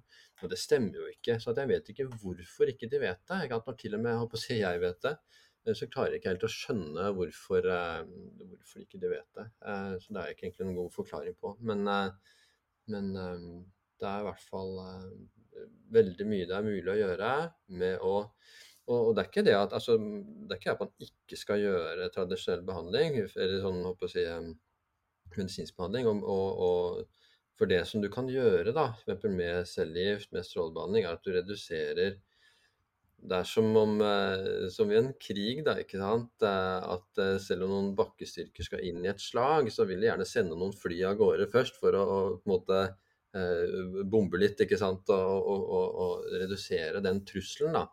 Sånn at eh, jo, jo, mer du får gjort av det eh, sammen med kroppens eget eh, immunforsvar, jo, jo, jo, bedre kan det være. ikke sant? Sånn mm. at, eh, men det er absolutt mye å hente på å sørge for at immunforsvaret ditt eh, får gjort jobben sin. Ja. Ja, ja. Altså, jeg opplevde jo, ikke sant, som jeg da fortalte, jeg så kjekk og grei etter nakkeoperasjonen, så var det sånn Jeg skulle ta det med ro i to uker, da, så kunne jeg begynne å øke aktiviteten. Så jeg var sånn Å, nå kan jeg begynne å gjøre litt enkle øvelser. Så jeg var sånn rett i gang med å skulle bevege meg. Så bare Nei, vet du hva, det funker ikke. Så jeg fikk så mange ganger sånn For jeg er jo typisk den som ville bare dratt på meg løpeskoene selv om jeg kanskje kjente mm. meg litt slapp, ikke sant. Så jeg fikk så mm. mange ganger den feedbacken på at nei, du er ikke klar for aktivitet, du må hvile mer. Og det var sånn, mm. Sånn veldig ukjent terreng for meg. Altså, jeg har hatt en stor infeksjonssykdom før. Jeg fikk denguefeber, og da var jeg ute et helt år. Så jeg, så jeg, vet jo litt hvordan det her funker. Men det var liksom sånn, kroppen var så sunn og frisk. Så god målingen på, kroppen, på klokken før jeg gikk inn i operasjonen. Og etter operasjonen så gikk målingene gradvis nedover, og systemet var så belastet. Og det er klart det er et stort inngrep, selv om det ser lite ut. Ja, ja. Um, og jeg er jo sånn som aldri blir syk eller forkjølet, men da var det også sånn etter en måned eller sånn, jeg begynte egentlig å føle at jeg hadde litt energi, så var det noe influensavirus som gikk rundt meg, og jeg ble ikke syk, men jeg så jeg ble kjemperedusert og bare helt tom for energi, og målingene på klokken var bare helt ute. Så det er klart at det, mm. kroppen var ikke motstandsdyktig sånn som den pleier å være. Mm, ja. Så jeg fikk meg veldig Og jeg er sånn, folk er sånn Å, det må ha vært så ille, og liksom ikke sant, alt, Jeg har kansellert kunder, jeg har gjort masse omprioriteringer, da, liksom masse endringer, jeg skulle skrive bok, alt, og så plutselig så var jeg der med en operert nakke og liksom hodepiner og alt det som er. Men, men jeg er så takknemlig for den perioden. Og i går mm. var det ti uker siden jeg opererte, og ennå ikke, ikke trent. Jeg har gått litt turer. Mm. Og jeg har hatt så mye ro. Ja, ja. det er jo sånn, eh, ja, det er sånn altså, En av de eh, podkastene som man virkelig burde høre på, er den siste til Rongan Chatterjee og intervjuet med en 102 år gammel lege. Og en av de tingene som hun sier, da, hun sier at hun har seks hemmeligheter, og Rongans favoritt er, er liksom nummer fem, og det er 'Everything is your teacher'. Mm. Sånn at alt er egentlig bare læring for deg. At selv denne episoden, ikke sant eh, er læring. eh, Og det er selvfølgelig uvelkommen læring. eh, Men hvis du ikke hadde sett på det som læring, så hadde det vært enda verre. Sånn at, eh, så at det gjelder å få motstand. ikke sant? Marcus Aurelius er vel som sier at han, han syns synd på den som ikke har møtt massiv motstand, for de vet ikke hva de er gode for. Eh, Sånn at det å, å sette pris på, da Kanskje ikke glede seg over det, men det å sette pris på motstand og vanskeligheter eh, som et eh, metode for å bli sterkere, det er helt eh, essensielt, altså. Mm. Um, sånn at jeg ser jo mange som bruker opp masse energi på å irritere seg over vanskeligheter, og Ja. bare se på det som et problem. Ja. Og det kan jeg si, det er ikke forbundet med helse. Ja, Eh, Sånn at, sånn at det, det, det og, og, Men hvis man har tenkt sånn da, i, i 40 år, så, så må du gjøre en innsats for å tenke på en annen måte. Altså Du må trene deg opp på å tenke på en annen måte, rett og slett. Eh, Mm. Fordi at den eh, motorveien i hjernen som går mot frustrasjon og irritasjon, den er såpass eh, kraftig at du må gjøre en intens jobb altså, for å ja. rydde opp i det. Ja, og, og jeg har selv vært der hvor jeg var liksom sånn? For det blir jo selvforsterkende etter hvert. Jeg var veldig sånn som bare Å, ting var negativt eller irriterende og frustrerende. Og det var en stor del av mitt tankesett som, som bare ble forsterket. Så det er klart at gjennom mental trening, gjennom det å bygge opp eh, den indre styrken og selvfølelsen, så ser jeg på verden på en helt annen måte enn det jeg gjorde før. Og Eh, ofte er det lett kanskje i ettertid å se tilbake og dra læring ut av situasjoner, men nå er jeg sånn, i situasjoner så er jeg sånn OK, det her var ikke det jeg ønsket, men hva kan jeg lære? Å, fy søren, jeg kan lære så mye, og det er så Mm. nyttig. Mm. Eh, det er det jeg kaller et konstruktivt tankesett, at du ikke henger deg opp i de tingene som du ikke kan gjøre noe med. Eh? Når du har behov for å kontrollere omgivelsene, at de ikke skal være i endring, og når du trenger at ting skal være trygt rundt deg, så handler det om at du er utrygg på innsiden. Så det å liksom trene opp et sånn konstruktivt tankesett, eller mental fleksibilitet, det krever at du gjør den indre jobben før du kan Mm. klare å tenke mer konstruktivt om, eh, om det som er rundt deg. Mm. Mm. Her funker ikke viljestyrke for å presse deg, og jeg må liksom tenke sånn og sånn fordi det er lurt, men du er nødt til å gjøre den indre jobben med å Mm. bygge opp eh, selvfølelsen eh, på innsiden. Så, men det, det er verdt det. Jeg ser jo, ikke sant, nå er det mange dette, Dette er jo noe av det jeg lærer bort uh, i online-kurset mitt. og jeg er Mm. veldig mange der som uh, har ME og er utmattet, selv om kurset det handler ikke om det i det hele tatt, det må jeg bare si. Mm. Men det, men det mange opplever, er at de får så mye mer energi og kan begynne å trene og kan begynne å gjøre ting fordi det de rydder opp i, er det emosjonelle stresset. Sånn. Alle Mm. de tankene, irritasjon, begrensningene, alt det som, uh, som ruller og går på innsiden, da, som skaper det indre stresset hele tiden. Mm. Mm? Nei, det er jo det med vanskeligheter, og, da kommer jeg på Jeg burde egentlig ta, bare hoppe litt bort her og så hente kamerakuren. For eh, kamerakuren eh, dreier seg jo om eh, å løse problemer. Og nå er jo faktisk tredje opplag av, kamerakuren kommet. Den har jo vært utsolgt, og så har vi lagd tredje opplag, da. Men da kan jeg for eksempel vise den oppgaven som er om å vokse på vanskeligheter. Å, nytte. For eksempel, side 265, så er det Skal vi se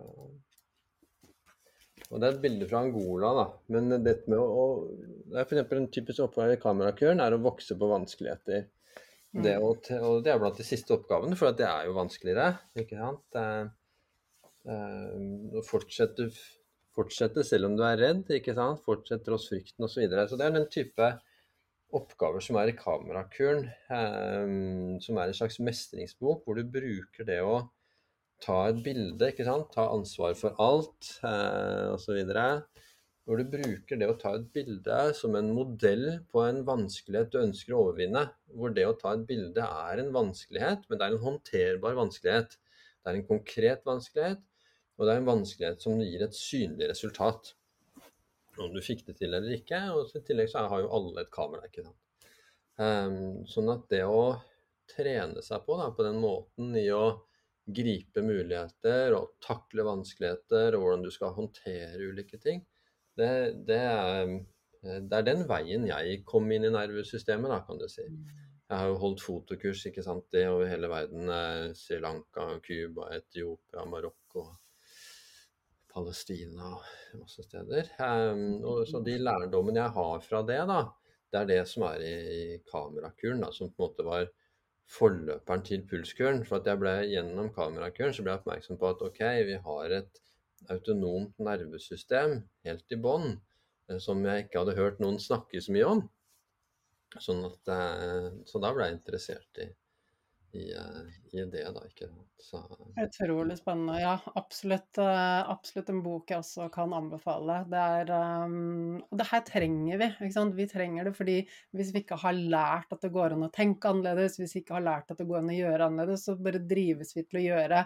Da blir vi styrt av hjernen ikke sant? som har et sånt negativity bias som gjør at vi mm. legger lettere merke til Eh, det som er litt sånn svart, da. Eh, og Mm. det blir forsterket. Eh, så Mm, ikke sant. Så, så en av oppgavene er jo å se lyset, f.eks. Ikke sant. ja. Altså, du, du, må, du, du må rette blikket mot, mot lyset, mot der, eh, mot der det er noe positivt. Det er ikke det at du skal overse eller ikke bry deg om det negative, men, men du, må, må, du må likevel se etter det som eh, fungerer. Da. Så, Mm. og, og det er jo sånn som i, i i, i Pulskuren helsedagbok, da, som var det som kom ut forrige uke, så er jo hver dag avsluttes med å se etter dagens seier. Hva fikk du til i dag, uansett hvor lite det var? altså Om du trent bare sto opp og fikk se sola, på en måte. Eh, så øve deg på å se etter det. da. Mm. Ja, altså den boken Vi var jo på lanseringen din for et par dager siden av boken, og den ser jo kjempefin ut. ikke sant? Du, du, bare de tingene du har med der, da, som, som er så viktige. Fordi det er det derre lille skrittet, som du også sier, den lille tingen du kan gjøre hver dag, som i løpet av et helt år, i løpet av flere år, det, det gir jo en kjempeeffekt. Mm. Så forskjellen mellom de som lykkes da i det de ønsker å få til, og ikke lykkes, det er ofte den bevisstheten om at det er de små, tilsynelatende ubetydelige tingene du gjør hver dag. Det er de som over tid baller på seg eh, og, og, og, blir til noe stort. da. Mm. Eh, så eh, ofte de tingene du gjør uten at noen ser på, eller uten at du selv nesten skjønner hvorfor du gjør det, liksom. Eh, men denne daglige, lille innsatsen Av og til så skal du gjøre sånn stor innsats, ikke sant. Du, av og til så skal du gjøre en stor utfordring. Eh, men eh, det, hvis, hvis utfordringen er for stor, så ender det ofte med at man ikke gjør det. Men disse Ja. små Og det er jo forsket på dette med hvem er mest fornøyde f.eks. For på en arbeidsplass. Og det er de som opplever små framganger hver dag. Det er noe som gir, eh, gir eh, glede i arbeidsdagen. Da. Mm. Altså mestring, progresjon, utvikling. Hvis vi ikke har det i livet vårt, så tror jeg ikke at vi klarer å være lykkelige sånn eh, på sikt. Mm. Eller jeg vet Ja. at vi klarer ikke. Vi trenger det Ja. som mennesker. Mm. Um, en ting jeg likte veldig godt fra det foredraget du holdt, så snakket også om sant, Du bare tok frem noen eksempler fra boken og dette med søvn og, og ting du kan gjøre for eh, god søvn. og det, En av tingene du nevnte der, var vel å, å tenke at du er en sånn person som sover godt, eller noe i den duren. Mm. Ja, altså det, at, du, at, du, du tenker om deg selv, da. At jeg, jeg er en person som eh, sover godt, jeg. Ikke sant? Det- Så, så, så øker sjansen for at du får det til. ikke sant? F.eks. For eksempel, altså, Før så kunne jeg tenke meg i forhold til det å holde, for det å holde foredrag, da, at jeg er ikke en person som holder foredrag.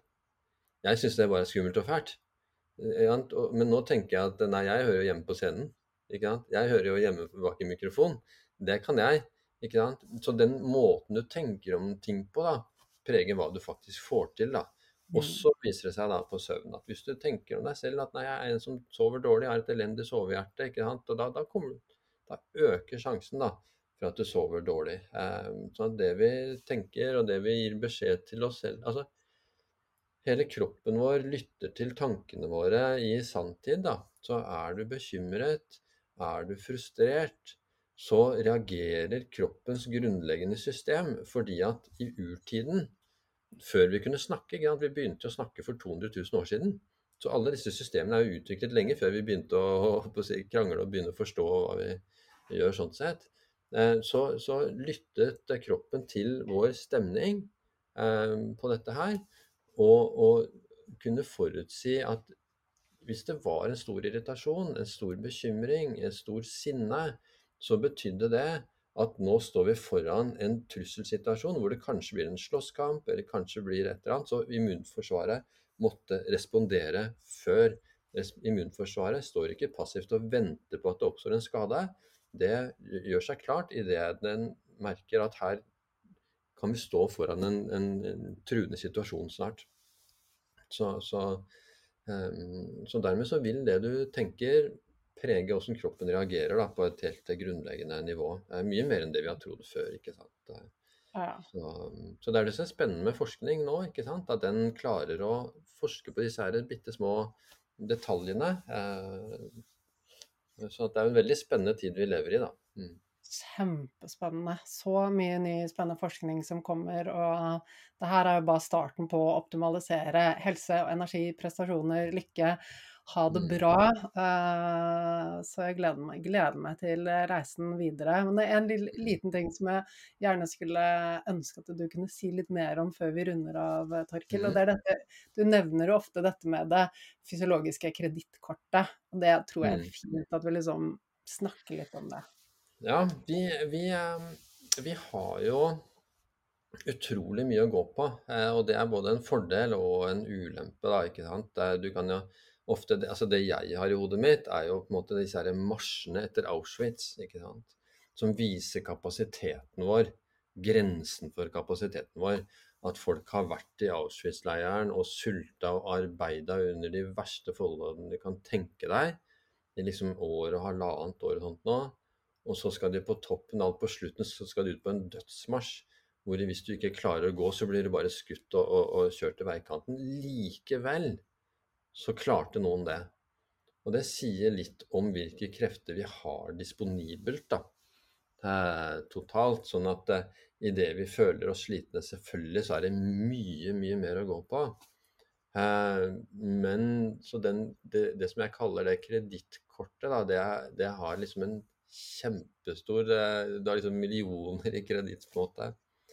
Eh, og som ikke du kjenner. da Vi klarer å mobilisere mye krefter som vi egentlig ikke har. Eh, eh, men det som er problemet, er at hvis vi trekker det kredittkortet over lang tid, så får vi svi. altså da, da, da, må det betales tilbake. Eh, så det som ofte skjer, er jo utbrudd av sykdommer. ikke sant? Autoimmune sykdommer og, og, og, kreftsykdommer og hjertesykdommer og hva som helst, som oppstår gjerne etter en lengre tids overbelastning av mekanismen. Så, men mm. kortvarig sett, altså om, om jeg har dårlig body battery eh, noen dager eller fem dager, eller det, det, det, betyr ingenting. Du trenger ikke å stå opp og så tenke at ah, body battery er på 34 i dag, og så huffa meg. Nei da, du klarer å, å, klapse deg, du klarer å klapse deg litt i ansiktet og, og, og, og skjerpe deg på en måte og ta deg sammen, og så går det fint, altså. Men hvis det skjer dag etter dag etter dag etter dag, og uke etter uke, så setter det deg en risiko for å, å, å pådra deg sykdommer. Altså. Så, mm. så, det kredittkortet er til for eh, korte investeringer, på en måte, når du er nødt til å ha det, men du, du, må, du må, faktisk betale det tilbake. Ja, og så viktig. Og, og der er det sånn, jeg tror jo at uten å ha målingene fra klokken, så tror jeg det egentlig er ganske utfordrende å vite. Fordi vi kjenner ikke etter, og folk er så drevet, det går så mye stress og adrenalin, og man er så på, da, som Duracell-kaniner alle sammen. Så jeg mm. tror ikke, eller jeg ser jo at de færreste egentlig skjønner hvor mye de har trukket det kortet før de går på en smell. Og vi ser at folk går på en smell én etter én. Eh, ja. Den ene etter den andre som bare Å, nå er de utbrent, nå er de utbrent. Og folk har liksom Det er migrener, det er søvnproblemer. Det, det, er så mm. mye, da, ikke sant, som er et tegn på at okay, kroppen er ikke der kroppen skal være. Ja. Og, og, en, og, og en ting er jeg helt sikker på, at du kommer ikke i den situasjonen med en pulsklokke eller et instrument uten at den klokka har advart deg i uker og måneder i forkant. Det, det ville overraske meg stort om det var tilfellet. Så det, da vil du få advarslene helt tydelig og konkret. Og det er skikkelig, skikkelig godt å høre. For da er det sånn OK, ja det er vanskelig å kjenne etter selv når jeg har gått over grensen, men har vi klokken på hånden, så, så kan vi få en feedback på det. Um, og nå kom jeg på det var noe mer jeg skulle spørre deg om, fordi nå, nå er det ti uker siden operasjonen, og formen har vært skikkelig svingende. Um, og jeg har jo opplevd at HRV-en til tider har vært veldig lav. Og det har liksom vært Ja, kroppen har vært belastet, så har det skjedd andre ting rundt som har vært sånn helt naturlig at den har vært belastet. Eh, men eh, så HRV har vært ubalansert, og så opplevde jeg noe som var nytt, som jeg ikke hadde opplevd før. At den var ubalansert, men høyere enn det som er liksom normalen for Mm. meg. Hva, Mm. hva, hva henger det Det sammen med? Ja, det, er, det er en bra ubalanse, holdt jeg på å si. Så det er, det er litt rart at de kaller det en ubalanse, men den er jo Det som kan Og, og, det kan jo, de kan jo si at det er jo fordi at den har vært dårlig. Ikke sant? Mm. Sånn at det at den nå er i en positiv ubalanse, er jo også Kan like gjerne være et tegn på at den har vært i en dårlig ubalanse, da.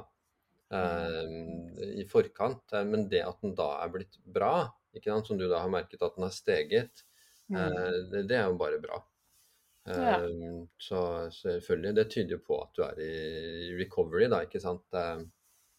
At du har hentet deg inn igjen. Eh, Jeg føler meg mye bedre, men det er fortsatt sånn at energien svinger. Og jeg opplevde i helgen også var sånn body battery på 100, HRV balansert, alt var topp. Og så syklet jeg inn til byen med datteren min og, og kjøpte en is med henne og tilbake igjen. Altså, jeg spiste faktisk ikke is. Altså, det, dette er ikke pga. sukkeret. Mm. Men mm, jeg, det er sånn 20 minutter hver vei, eh, og etterpå så var jeg helt tom.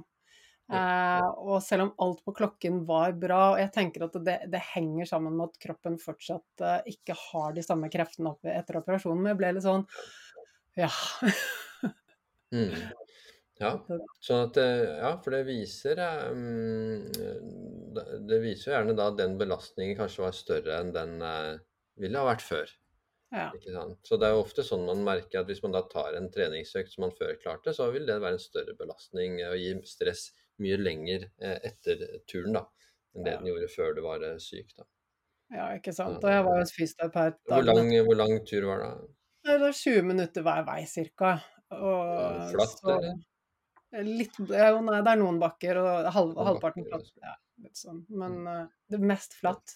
Men jeg var hos fysioterapeut dagen etterpå, som er liksom spesialist på opptrening av nakke, Uh, og hun sa jo da at ok, men sykkel det er foreløpig litt krevende, så du kan vente med det. Så det er nok, det er nok bare det at det var for Mm. mye i forhold til hvor jeg har kommet etter operasjonen, Ja, ja. Mm. Tenker jeg. Og da, er, liksom da er det så, og da er det så fint at man har et objektivt eh, instrument som klarer å plukke opp det og, og, Mm. og, og bekrefte det, på en måte. Ja. Mm. Nei, men fantastisk spennende.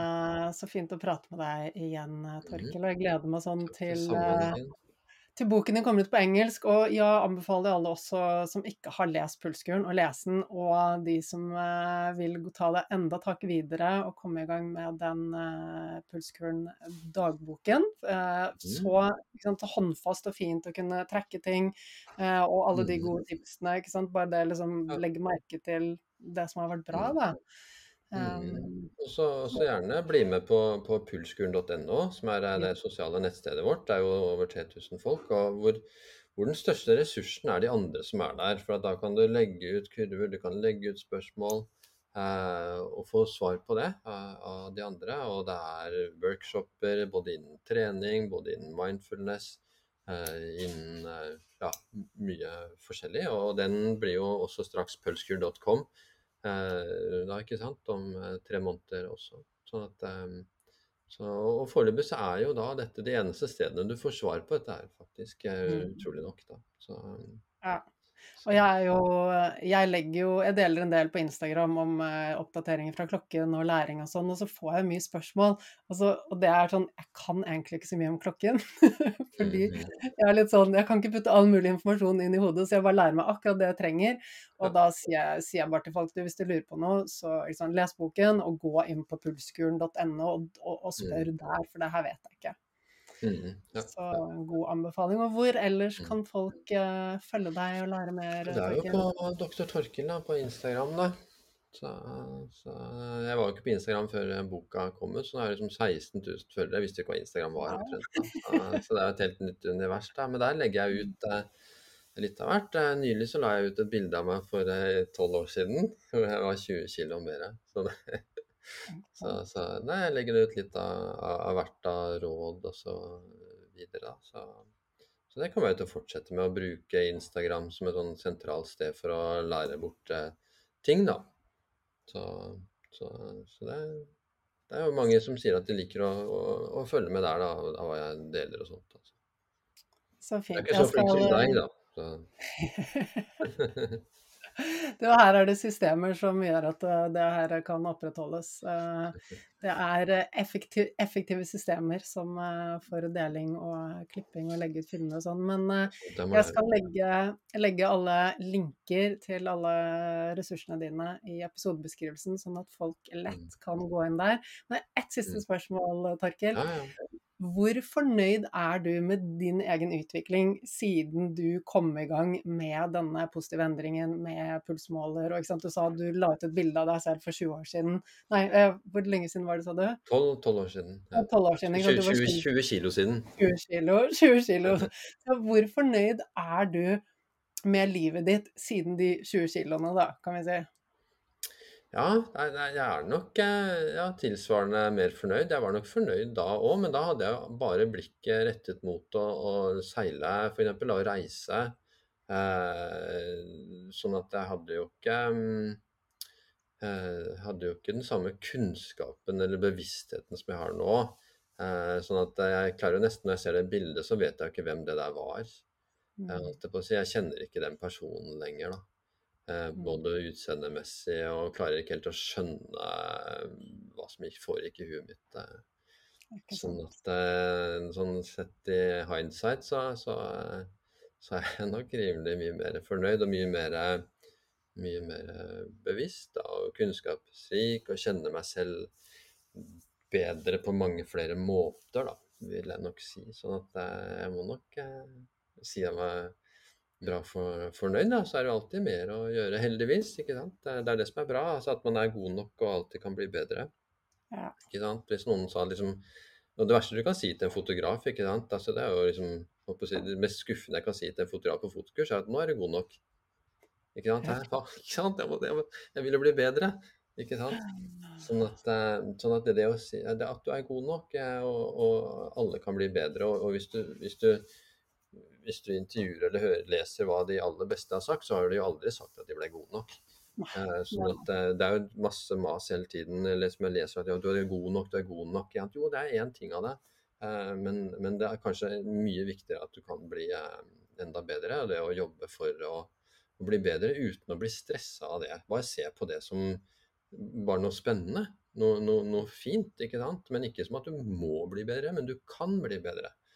Eh, Ikke sant. Sånn, eh, ja. Det håper jeg Jeg blir, det. Jeg tror jo virkelig at uh, meningen med livet er progresjon, ikke sant? Det å ønske å bli bedre, det det- fyller så mye positivt. Ikke sant? Og det var det morsomme på det intervjuet med hun 102 år gamle dama. Da. Hun hadde tiårsplan. For det var fortsatt ting hun kunne gjøre. Ikke sant? Ikke sant? Sånn at, sånn at det-. Ja. Så det er, Ja, og det er kanskje håp for oss òg.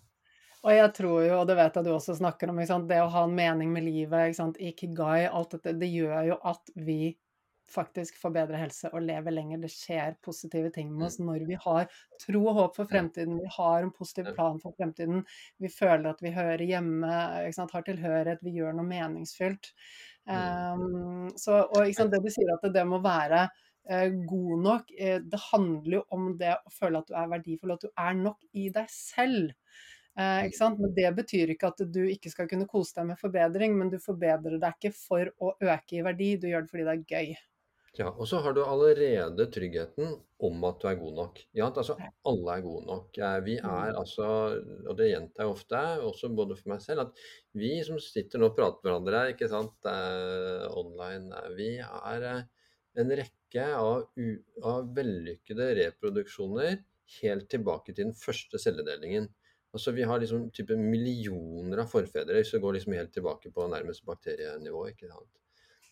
Så bare det at vi er her, vi kan puste og snakke, og de som klarer å høre på oss, altså bare, bare der, så er du god nok allerede med to streker under svaret. Så det er ferdig med det.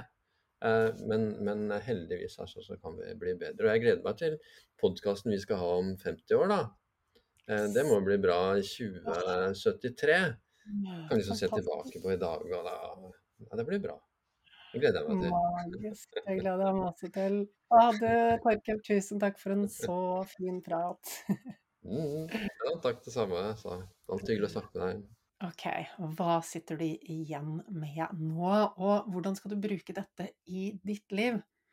Husk at uh, noen ganger så kan det være litt sånn overveldende å tenke å, det er så mye jeg burde fikse på, og så ender vi opp med å få litt sånn dårlig samvittighet og bli overveldet fordi det er så mye vi burde gjort, og vi får ikke til alt. Men du, eh, vi, ingen er perfekt. Ingen gjør alt perfekt, og det handler ikke om det perfekte.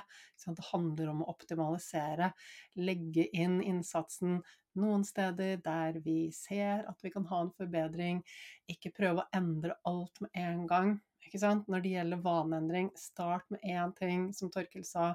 Liksom, finn noe du kan mestre. Et, en liten ting, og det er summen av de små tingene over en lengre tid som kommer til å gjøre, en, eh, gjøre mye for deg og gi deg en endring. Og så husk på det at det er ikke alltid vi ser endringen med en gang. Vi er litt sånn, vi er utålmodige, vi vil ha resultatet med en gang. Men når du f.eks. begynner å slappe av litt mer, spise litt bedre mat, eller kanskje gå litt mer turer, være i naturen, gjøre de tingene som er bra for nervesystemet ditt, så er det ikke sånn at du nødvendigvis våkner opp dagen etterpå bare og nå alt annerledes. Men over tid så vil du se at det endrer seg. Og det som skjer inne, på, inne i cellene våre, det er ikke sånn at vi kan se det med det blotte øyet med en gang. Men etter hvert, når du har eh, holdt på med disse gode vanene over en lengre periode, så vil du også se at håret blir bedre, huden blir bedre, neglene blir bedre. Eh, du har ikke lenger infeksjonssykdommer, færre forkjølelser. Liksom alle de tingene som over tid er tegn på at cellene våre har det godt. ikke sant? Og jeg vet at mange går inn i dette med helse og sånn ut ifra sånn um, perfeksjonistisk prestasjonsperspektiv. Jeg må uh, se sånn og sånn ut, jeg skal gå ned i vekt skal, liksom, vi, Målene våre er ofte for å oppnå ytre mål, da, eller grunnen til at vi går i gang med noen endringsprosesser, handler ofte om ytre mål. Det er bootcamps, og det er diverse dietter og alt sånn, med tanke på at vi skal se ut på en viss måte på utsiden. Men husk på det at det, å kanskje ha en tynn og veltrent kropp betyr ikke nødvendigvis at den er sunn på innsiden. Um, og ja, selv om det synes på utsiden, vi kan se på utsiden om noen har god helse eller ikke, uh, fordi det er noe med den energien og gløden og den sunnheten, så er likevel ikke de ytre målene, eller det ytre utseendet, det er jo et biprodukt bare av at det er bra på innsiden. Og jeg tenker at det viktigste vi kan gjøre, er å begynne å fokusere på men hvordan er det på innsiden? Når du har det bra på innsiden, så føler du deg bra, du har energi. Du vil ha en glød.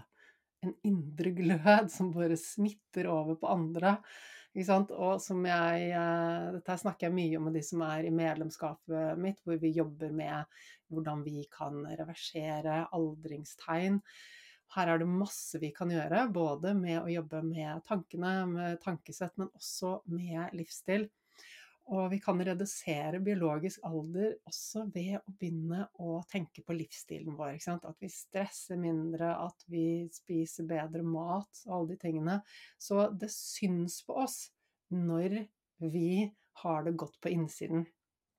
Og du har helt sikkert også møtt noen hvor du bare eh, som kanskje er yngre enn deg, men så syns du at de ser eldre ut. Og vice versa. Noen som egentlig kanskje er mye eldre enn deg, og som ser veldig unge og friske og spreke ut. Det er klart at det, det er sammensatt. Det er, det er, mange ting som bidrar til god helse og den indre utstråling og energien. Men det er denne helhetlige tilnærmingen. Det er tankesettet, det er maten, det er stressbalansen din. Alle de tingene og summen av det er med på å skape den personen du er, helt ned på cellenivå, ikke sant? som Torkel også snakket om. Mito, mito, mitokondriene. Jeg sliter fortsatt med det ordet. Um, det her er ned på cellenivå, og det som virkelig, virkelig er gøy, er jo å kunne ha energi og kunne ha overskudd og kunne leve lengre med god helse. Og slippe alle disse sykdommene, automine sykdommer og andre sykdommer som kommer når vi har mye stress over tid. Og som mentaltrener så er mitt fokus og mitt um, fagområde er det mentale og det emosjonelle. Altså jeg putter alt det på en måte i en samme kategori. Det, det er litt abstrakte. Eh, det er ikke så håndfast, ikke sant. Jeg har ikke noe utdanning innen ernæring eller sånt noe, så jeg gir ikke råd basert på det. Men det er veldig fint å få andre inn som kan gi de rådene, fordi vi, vi, vi trenger det. Som Torkel også sa, er ikke kroppen eh, i balanse, har vi mye informasjon i kroppen, så vil det påvirke hva som skjer i hodet. Og vice versa, som vi også snakket om. Det mentale og emosjonelle stresset, det påvirker oss rent fysisk. Når vi går rundt med masse tankestress, så setter vi oss i gang stressresponsen i, eh, i, kroppen vår, rett og slett. Og jeg gjorde masse av det før, og jeg var eh, en periode kjempeutmattet. Og hodet mitt var fullt av bare sånn altså, mentalt stress, irritasjon og bare sånn Hang meg opp i ting. Og det var bare liksom Hverdagen hadde blitt litt mye, rett og slett. Eh, og da jeg endret på det, så ga det oss en helt annen energi. Og som jeg også nevnte i episoden med Torkel, så opplever jeg at flere av de jeg jobber med, som har slitt veldig med energien, om det er ME eller en utmattelse eller et eller annet sånt noe, mange, jeg sier jo ikke alle, fordi her er det sammensatt. Det er ikke sånn én grunn til at noen liksom, tar ME eller er utmattet eller noe sånt. Og jeg må bare si igjen, det er ikke Jeg er ikke spesialist, spesialist på det, og det er ikke det, den tematikken jeg jobber med. Men jeg ser igjen og igjen, og de tilbakemeldingene får jeg fra mange, at det å jobbe med det mentale, det å rydde opp i de ukonstruktive tankene som skaper det indre stresset, det har gitt folk energien tilbake igjen. Og så er det klart, det er ikke bare tankene som gjør oss friske, det er den helhetlige livsstilen.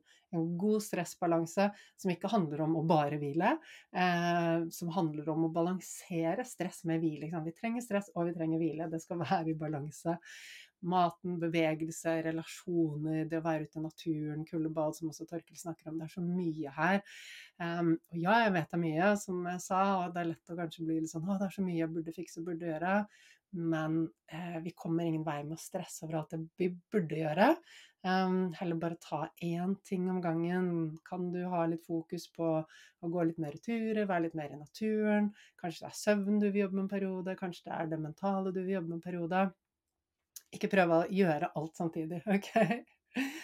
Så, så du, del gjerne med meg og Torkel på sosiale medier. og så Tagg oss gjerne når du lytter til episoden. Del med oss hva du fikk ut av den, hva du har lært. Um, spør oss gjerne hvis det er et eller annet. Og så setter jeg også veldig veldig stor pris på at du går inn og gir tilbakemeldinger, laster ned episoden eh, og abonnerer på den, fordi det er når du gjør det at vi får spredd denne kunnskapen til enda flere. Så du, da gleder jeg meg til å se deg igjen neste uke.